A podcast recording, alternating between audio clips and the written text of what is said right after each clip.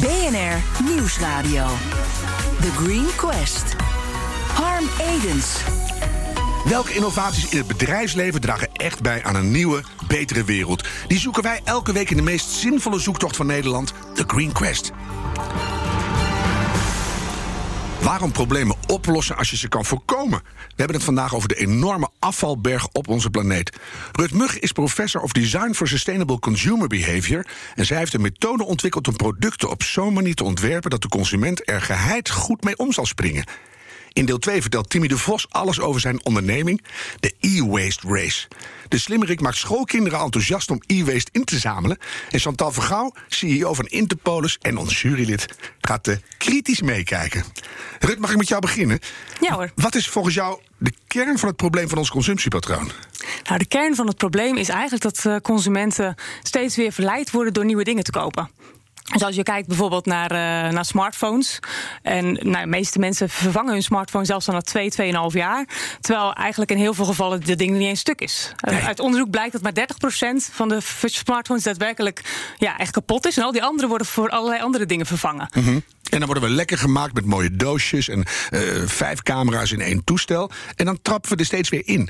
En ik denk dat dat weten we nu wel zo langzamerhand. Waarom verandert dat niet vanzelf? Nou, je ziet dat uh, mensen het eigenlijk heel moeilijk vinden om te veranderen. Omdat die milieu, het milieuvoordeel van producten is iets abstracts. En ik kan het wel even uitleggen hoe dat werkt. Als je kijkt naar bijvoorbeeld uh, het, voordeel van hey, mijn smartphone dus niet vervangen, is iets voor het milieu. Maar het is ook iets in de toekomst. Want nu merken we er eigenlijk niks van. Dus pas in de toekomst ga je dat ooit merken. Dus doordat het in de toekomst is en niet nu, is het veel abstracter voor mensen en is het veel moeilijker om te handelen. Ja, dus dat ons apenbrein waar je het wel eens over hebt, als we nu voedsel hebben en, en een dak boven ons hoofd, is het goed? Dat zal best uh, een evolutionaire reden kunnen ja. hebben, inderdaad. Dat je toch inderdaad gericht bent op, op jouw eigen overleven. Terwijl je ook zou kunnen zeggen, de, de, het gaat over waarde in de keten. Dat zie je overal. Hè. We, kleding gooien we makkelijk weg, meubels na drie jaar als je pech hebt. En dan gaan rennen we naar de leenbakker voor een goedkope bank. Je, je zou kunnen zeggen. Uh, dus zo gauw we dat even uitleggen, dan snappen we dat.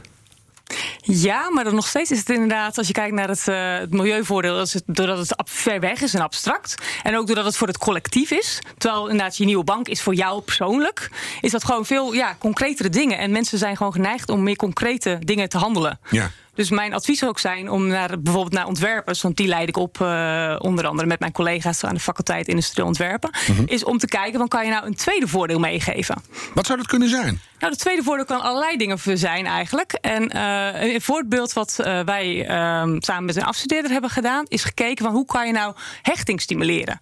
Dus dat mensen eigenlijk heel erg gehecht raken aan hun eigen product. Ja. En daardoor hun nieuwe product helemaal niet, willen, niet meer willen. Want dat, dan verliezen ze iets bijzonders. Ik had het bij die allereerste iPhone. Dat, dat, de, de drie of zo was dat. Dat zeepje wat zo lekker in je hand lag. Dat vond ik de allermooiste iPhone. Daar heb ik nog meest aan bellen toen die al vier jaar stuk was. Had ik geen verbinding meer, maar wel lekker mijn iPhone. Ja, ja. Maar hoe, hoe werkt hechting? Want ik hecht me aan alles, dus dat is ook niet goed.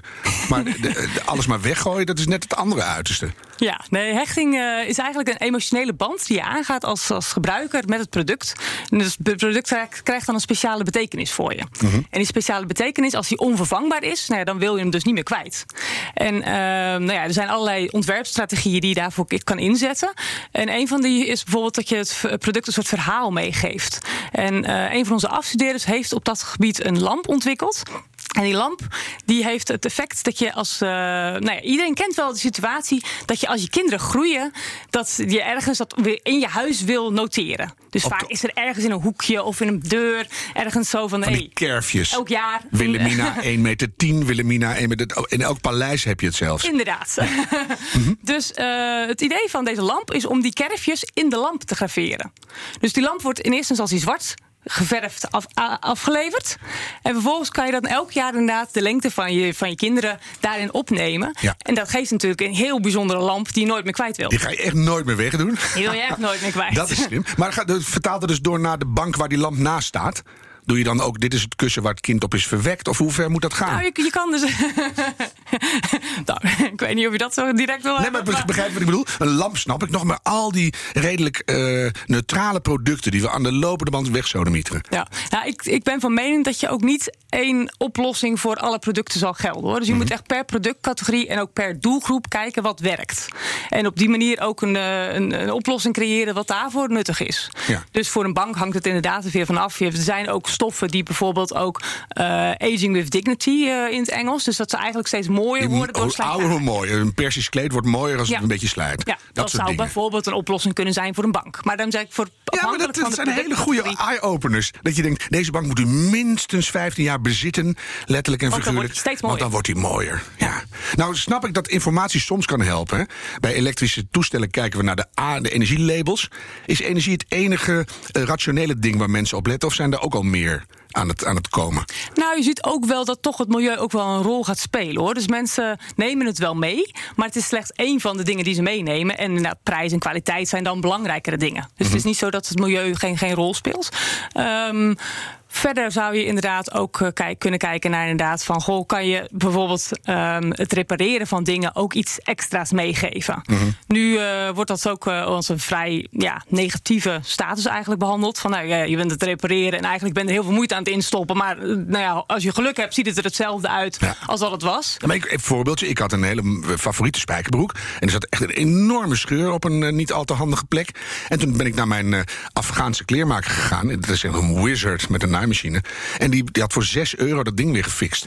En het, het was precies dezelfde spijkerbroek. Maar ik kan nu weer heel lang mee. En ik was he- gewoon heel blij. Dus dat is een, een 6 euro geluksmoment. Waar, waarom doet niet iedereen dat? Nou, het is toch uiteindelijk wel weer een handeling. Kijk, als je ehm, als de theorie van het consumentengedrag. Ja, maar een nieuwe, nieuwe broek kopen is ook een handeling.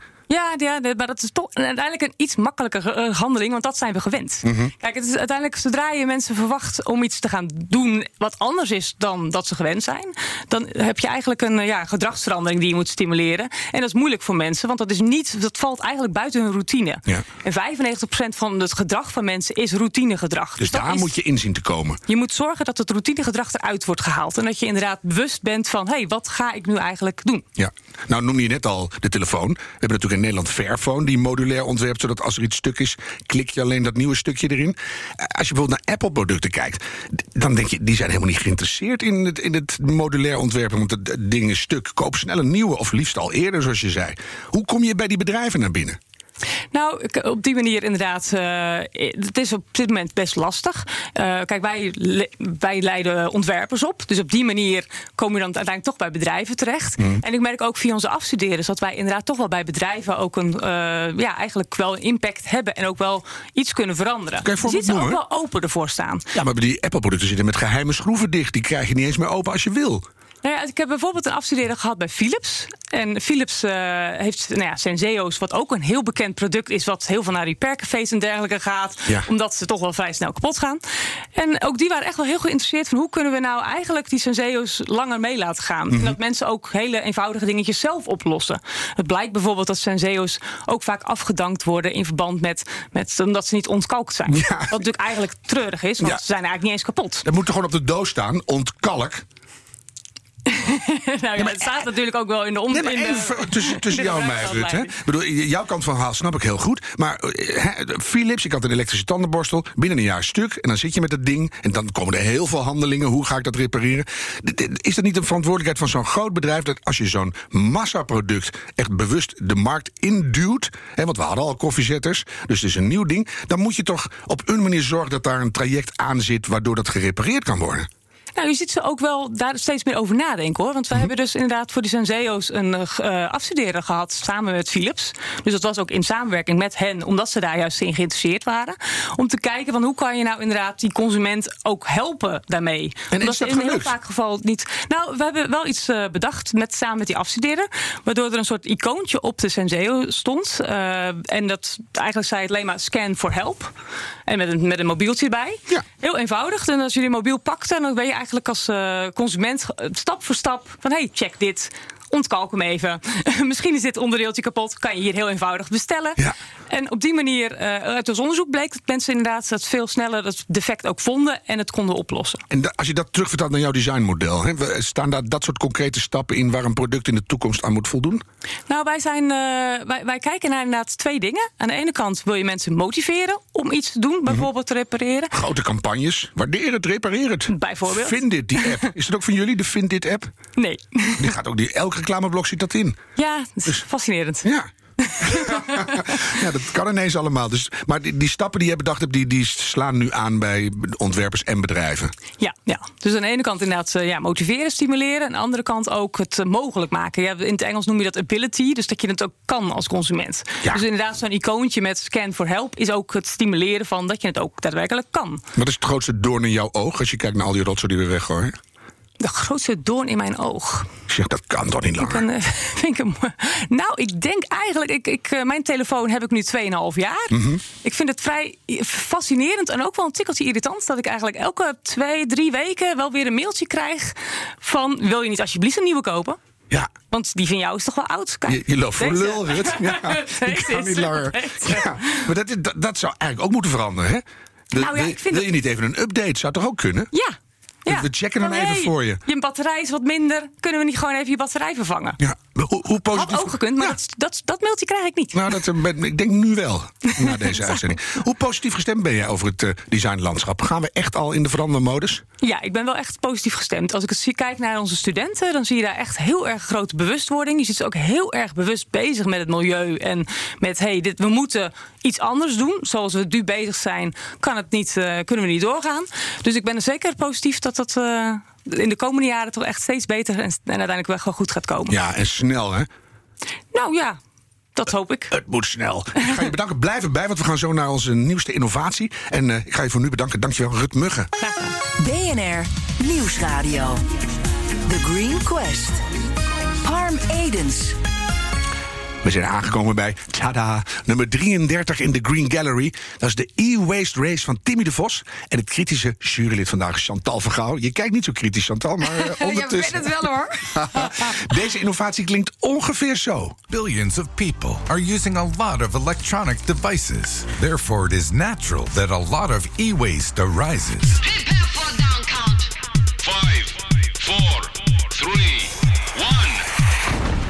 Race is een wedstrijd tussen basisscholen om elektronisch afval in te zamelen. En de school die dat het eh, beste doet, die wint een eh, hele toffe schoolreis. Because our e-waste gives us a bad taste. Electronic, supersonic, supersonic, electronic. Ja, supersonic electronic, maar ook een hoop troep. Timmy de Vos. Wat houdt jouw innovatie precies in? Ja, wij organiseren wedstrijdjes tussen basisscholen, regionaal. Eh, tien scholen nemen tegen elkaar op om zoveel mogelijk kleine elektronica in te zamelen. En de school die dat het beste doet, die wint een eh, toffe schoolreis. Waar, waar naartoe? Binnen Nederland? Eh, dat is meestal binnen Nederland. Dat kan Nemo zijn in Amsterdam, kan de ontdekfabriek in Eindhoven zijn. Kunnen verschillende dingen zijn. Ja, daar gaan we het veel langer over hebben. Maar ik wil eigenlijk de eerste reactie van Chantal, als je het zo in zijn algemeenheid hoort. Je hebt het bestudeerd. Wat vind je ervan? Ja, ik ga dus nu even iets niet kritisch zeggen. Ik vind het eh, hartstikke sympathiek. En dat komt omdat eh, ik geloof heel erg dat kinderen de toekomst zijn. En, en het is heel leuk om hen te mobiliseren op een, op een vrolijkmakende manier. Met een wedstrijdelement. Dus daar herken ik ook een aantal dingen in die wij zelf eh, met het bedrijf hebben gedaan. Tegelijkertijd, en ik hoorde het net al gezegd worden, zijn kinderen al behoorlijk bewust. Hè? De, de, jongere generatie. En zie je vaak dat, nou, laat zeggen, de uitdaging zit bij de wat oudere generatie. Ehm, en ik was wel benieuwd eh, waarom je je niet op hen richt. Eh, nou, indirect doen we dat eigenlijk ook. Wij gaan naar de scholen. Eh, wij bereiken jaarlijks tienduizenden kinderen met onze boodschap. Maar die kids die gaan eigenlijk lokaal zelf campagne voeren... om ouders en buurtbewoners mee te nemen in dit verhaal. Dus wij hebben een website gebouwd... waarop je als buurtbewoner je oude spulletjes kunt aanbieden. En dan komen die kids het ophalen. En om dat eh, ja, rond te zingen gaan de kids dus campagne voeren... en eh, verspreiden zij dit verhaal eigenlijk bij ook de volwassenen. Ah, mooi, mooi. Dus dan is de awareness aan het ontstaan. Maar het zijn onschuldige schoolkinderen, Timmy. Die moeten de troep van elektronica bedrijven opruimen. Is dat niet een beetje de omgekeerde wereld? Ehm, nou nee, kijk, eh, het zijn ook de ontwerpers en de mogelijke eh, consumenten van de toekomst. Dus het begint bij hun. En later zijn dit natuurlijk ook volwassenen die ook volle bak consumeren, of het nou kleding is of elektronica. Dus ik vind dat het zeker bij hun begint. Bij En je kan ook zeggen, gaan de Philips-medewerkers dan het schoolplein opruimen? Dat zou mooi zijn. Ja, en je kan ook met, met eh, 10.000 schoolkinderen naar eh, DSM lopen en zeggen van... we willen andere spullen. Bedoel, je gaat het heel concreet, je, gaat, je haalt rotzooi op en dan doe je er iets mee. Waarom die keuze? Omdat we een veel te groot, eh, eh, grote hoeveelheid elektronica nog in onze laadjes en op zolders hebben liggen. En eh, de papa's en mama's van de kinderen die meedoen, dat kunnen natuurlijk de medewerkers van de Philips zijn. Dat kunnen elektronica producenten zijn. Dus die bereiken we op deze manier. Dus het is gewoon infiltreren via onschuldige kinderen. Eigenlijk wel, ja. Is het ook kinderarbeid eigenlijk? Nee, zeker niet. Het is voornamelijk een leuk educatief project.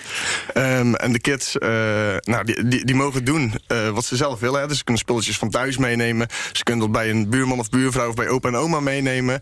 Eh, ze hoeven dat niet meer te doen dan nodig is. Maar vaak zorgt het enthousiasme ervoor dat ze heel de wijk leeghalen. Leeg, leeg struinen. En gaat het dan om kilo's binnengehaalde e-waste of per stuk? Of hoe werkt het? Want als je dan één oude Video 2000 recorder scoort, die is loodzwaar, heb je meteen gewonnen. Eh, nee, het werkt inderdaad op stuks. We hebben een aantal categorieën. We kunnen mobieltjes, kabels, eh, overig klein. Eh, en voor iedere categorie is er een verschillend aantal punten. En dat wordt ook op onze website van dag tot dag bijgehouden. Dus je ziet echt de score tussen die tien Het scholen. is echt een race. Ja, het is echt een Oh, race. dat is spannend, mooi. En als je wettelijk kijkt, en waar ligt nu de verantwoordelijkheid om die e-waste op te ruimen? Is dat de consument of de. Wie, wie zou het officieel moeten doen? Eh, dat is een gedeelde verantwoordelijkheid van de producenten en eh, nou, de, de, de mensen zelf. En dat eh, wordt vaak ingevuld door de gemeente. Hè. Dus gemeenten hebben bakken bij een milieustraat staan. Maar het is eigenlijk een eh, producentenverantwoordelijkheid. Maar doen die er ook wat aan? Jazeker. Ehm wij hebben ook een, eh, een partnership met een eh producentenorganisatie, Wie Nederland. Ehm, en het is zo dat we nu als doelstelling hebben om 65% van de spulletjes die we op de markt zetten, om die terug in te zamelen. En dat doen we dus door campagnes te voeren, door eh, bakken bij milieustraten te zetten ehm, en door e-waste races. Ja, en, en eigenlijk even, dit is een Chantal-vraag. Stel jij hem of stel ik hem over het verdienmodel? Ik wilde hem ook stellen. Hij stond inderdaad ook op mijn lijstje. Eh, ik was wel even benieuwd. eh, Er wordt wel iets gezegd over de inkomsten en de kosten en winst en zo. Maar wat is nu eigenlijk het businessmodel? Ja, wij doen eigenlijk een stukje dienstverlening voor afvalbedrijven en gemeenten. Zij hebben inzameldoelstellingen. En eh, door deze actie te doen, zorgen wij natuurlijk dat er spulletjes ingezameld worden.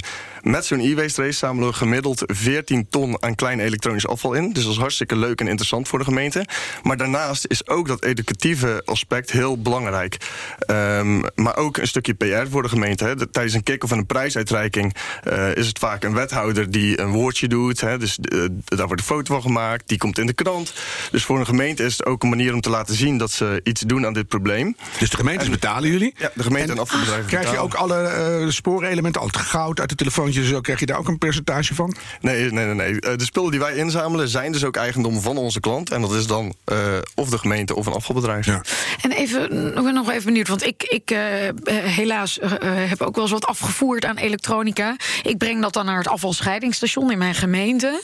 Hebben jullie zicht op wat het verschil is tussen wat er zeg maar normaal naar het afvalscheidingsstation wordt gebracht en wat jullie dan additioneel, zonder dat het, laten we zeggen, dat mensen worden gestimuleerd om apparaten weg te doen die, die laten we zeggen, eigenlijk niet echt kapot zijn, maar ook gerefurbished kunnen worden? Want dat zou echt jammer zijn als door het wedstrijdelement iedereen denkt, nou ja, gooi Ja. die strijkijzer maar weg. Ik was er toch wel aan een nieuwe toe. Eh, eh, wat, het, wat, wat de additionele ja, benefit eigenlijk is, hè? Ja, dat verschilt enorm per regio waar we de actie doen. Eh, in een grote stad kan dat eh, een enkele procent zijn. Maar we hebben bijvoorbeeld ook een onderzoekje gehad in eh, de Hoekse Waard... waar hetgene wat wij inzamelden met de e-waste race... tot 25 procent van het jaarlijks eh, ingezamelde klein elektronisch afval was. Dus dat was een mega bijdrage daar zo. Ehm, en het is niet zo dat, dat het per definitie allemaal voor recycling wordt ingezameld. Bijvoorbeeld in Rotterdam, toen ze daar jaar de piekfijnwinkels nog hadden, werd alles wat wij ingezameld eh, hadden, werd eerst door de piekfijnwinkels gesorteerd. Dus werd nog 5 tot 10 procent van de spulletjes werd eruit gehaald om eh een tweede repareren. leven te geven, om, Ja. om Ja. te verkopen. Ja. Oh. En de overige 90 tot 95 procent is wel echt scrap en moet gerecycled worden. Ja. Hoe sta je er nu voor? Ben je lekker aan het opschalen? Ja, enorm. Eh, vorig jaar hadden we 23 races. Nou, als je 10 eh, scholen per race hebt, 230 scholen. Ja. En dit jaar gaan we naar de 330 scholen. En we gaan eh, uitbreiden naar eh, Duitsland. En we gaan een vergelijkbaar project opzetten voor de inzameling van textiel. Oh, dat is ook mooi. Ja, dat je zegt, nou, ik heb nog wel wat. Die broek toch maar wegdoen. Ja, maar ook gewoon met labels en al er nog aan. Dat ik, Oh, eh, dat- als je dat niveau. Ja, dat, dat je dingen krijgt dat je denkt, wat moet ik ermee? Ja, die geef ik gewoon weg binnenkort. Maar we, we moeten langzaam naar de, naar de hamvraag, Timmy. hè. Dan, dan heb je die spullen ingezameld. Sommige dingen vis je er nog uit. Je gaat niet stimuleren dat mensen extra snel weggooien... om hun kind te laten winnen. doen we allemaal niet. Maar dan, hoe voorkom je nou dat die spullen... die je daar, op een gegeven moment moeten jullie daar ook van af... die breng je naar de gemeente of naar recyclebedrijven... dat die niet alsnog verbrand worden? Eigenlijk is hetgeen wat wij inzamelen, komt per definitie in de goede kanalen. Want die gemeente. Waar zijn die kanalen er? Want ik praat dan met al die grote afvalverwerkers. En dan de, de, de, netto-uitkomst vind ik vaak nog heel teleurstellend. Dat je denkt van, ja, wat halen we eruit? Mm, uiteindelijk wordt er nog heel veel verbrand. Ja, voor elektronisch afval is het eigenlijk zo dat dat eh, niet gebeurt. Er wordt eigenlijk heel veel gewoon netjes ingezameld. Gaat in eerste instantie naar eh, sorteercentra. Er zijn vaak mensen met afstand op de arbeidsmarkt die dat tot in nou, 20 fracties kunnen sorteren. In Nederland. Dus niet meer naar Nigeria en India. in waar kinderen van vier Nee. de, de, de kobalt uit de telefoontjes zitten te prutsen. Nee, dat gebeurt allemaal hier. Mhm. Dus eerst sorteercentra en vervolgens naar, eh, voor de specifieke fracties naar gerenommeerde verwerkers. Die allemaal eh, netjes Wheelabags gecertificeerd zijn. En dan gaat het echt circulaire keten weer in. Ja, er, wo- er worden materialen teruggewonnen. Voor, eh, gewonnen. Dus eh, voor een eh, mobieltje kan dat al 95% van de materialen zijn. Voor computers, laptops hetzelfde. Nou, er zijn ook apparaten waar misschien minder percentage uitgehaald wordt. Maar En wordt daar komt Rut weer in beeld. Is het ook goed dat jullie contact hebben, Rut? Nou, ik kan me voorstellen dat we inderdaad wel eh, iets eh, zouden kunnen doen. eh. We hebben altijd afstudeerders die leuke projecten zoeken. En ik kan me voorstellen om dit verder op te scalen... dat je inderdaad met een afstudeerproject kan kijken... wat is de volgende stap. Ja, want naast zo'n wethouder die dan zijn persmoment heeft... kan ik me ook voorstellen dat er dan een designer van de toekomst naast staat... die zegt, en dit soort dingen die gaan we niet meer maken, mensen. Want daar kunnen we niks mee. Dat zou toch goed zijn? Ja, dat eh, zou zeker goed zijn. Ja, is dat de volgende stap, Timmy?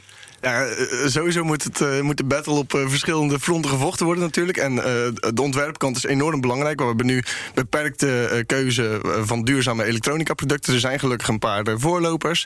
Maar eh, er moeten zeker betere eh, ontwerpen komen. Ja, en ook leuk dat kinderen dan normaal staan te zeiken van... ik wil een nieuwe Playstation. Dat ze zeggen, die willen we niet meer, want die is slecht gemaakt. Zou ik zo goed vinden. Zou dat, dan- zou dat haalbaar zijn? Dat kinderen uiteindelijk bij de, bij de schappen gaan bepalen... wat pa en ma gaan kopen? Ehm, we geven in ieder geval aan dat ze heel stoer zijn als ze apparaten lang hebben. Dus wij geven altijd credits aan de kids die de oudste telefoon hebben. Wat, ben je acht en je speelt een beetje Commodore 64? Heel goed. Geweldig. Ja. Ik wens je heel veel succes. Dankjewel Timmy de Vos. Dankjewel Chantal Vergouw. En natuurlijk ook dankjewel Rut Muggen. Neem een kijkje op thegreenquest.nl om alle bedrijven in onze Green Gallery te zien. En heeft jouw bedrijf een minstens zo belangrijke innovatie? Meld die aan op diezelfde site. Terugluisteren als podcast kan via alle daarvoor beschikbare kanalen en apps. En bedenk minstens één keer per week... die volhoudbare wereld, die maken wij Samen. Amen.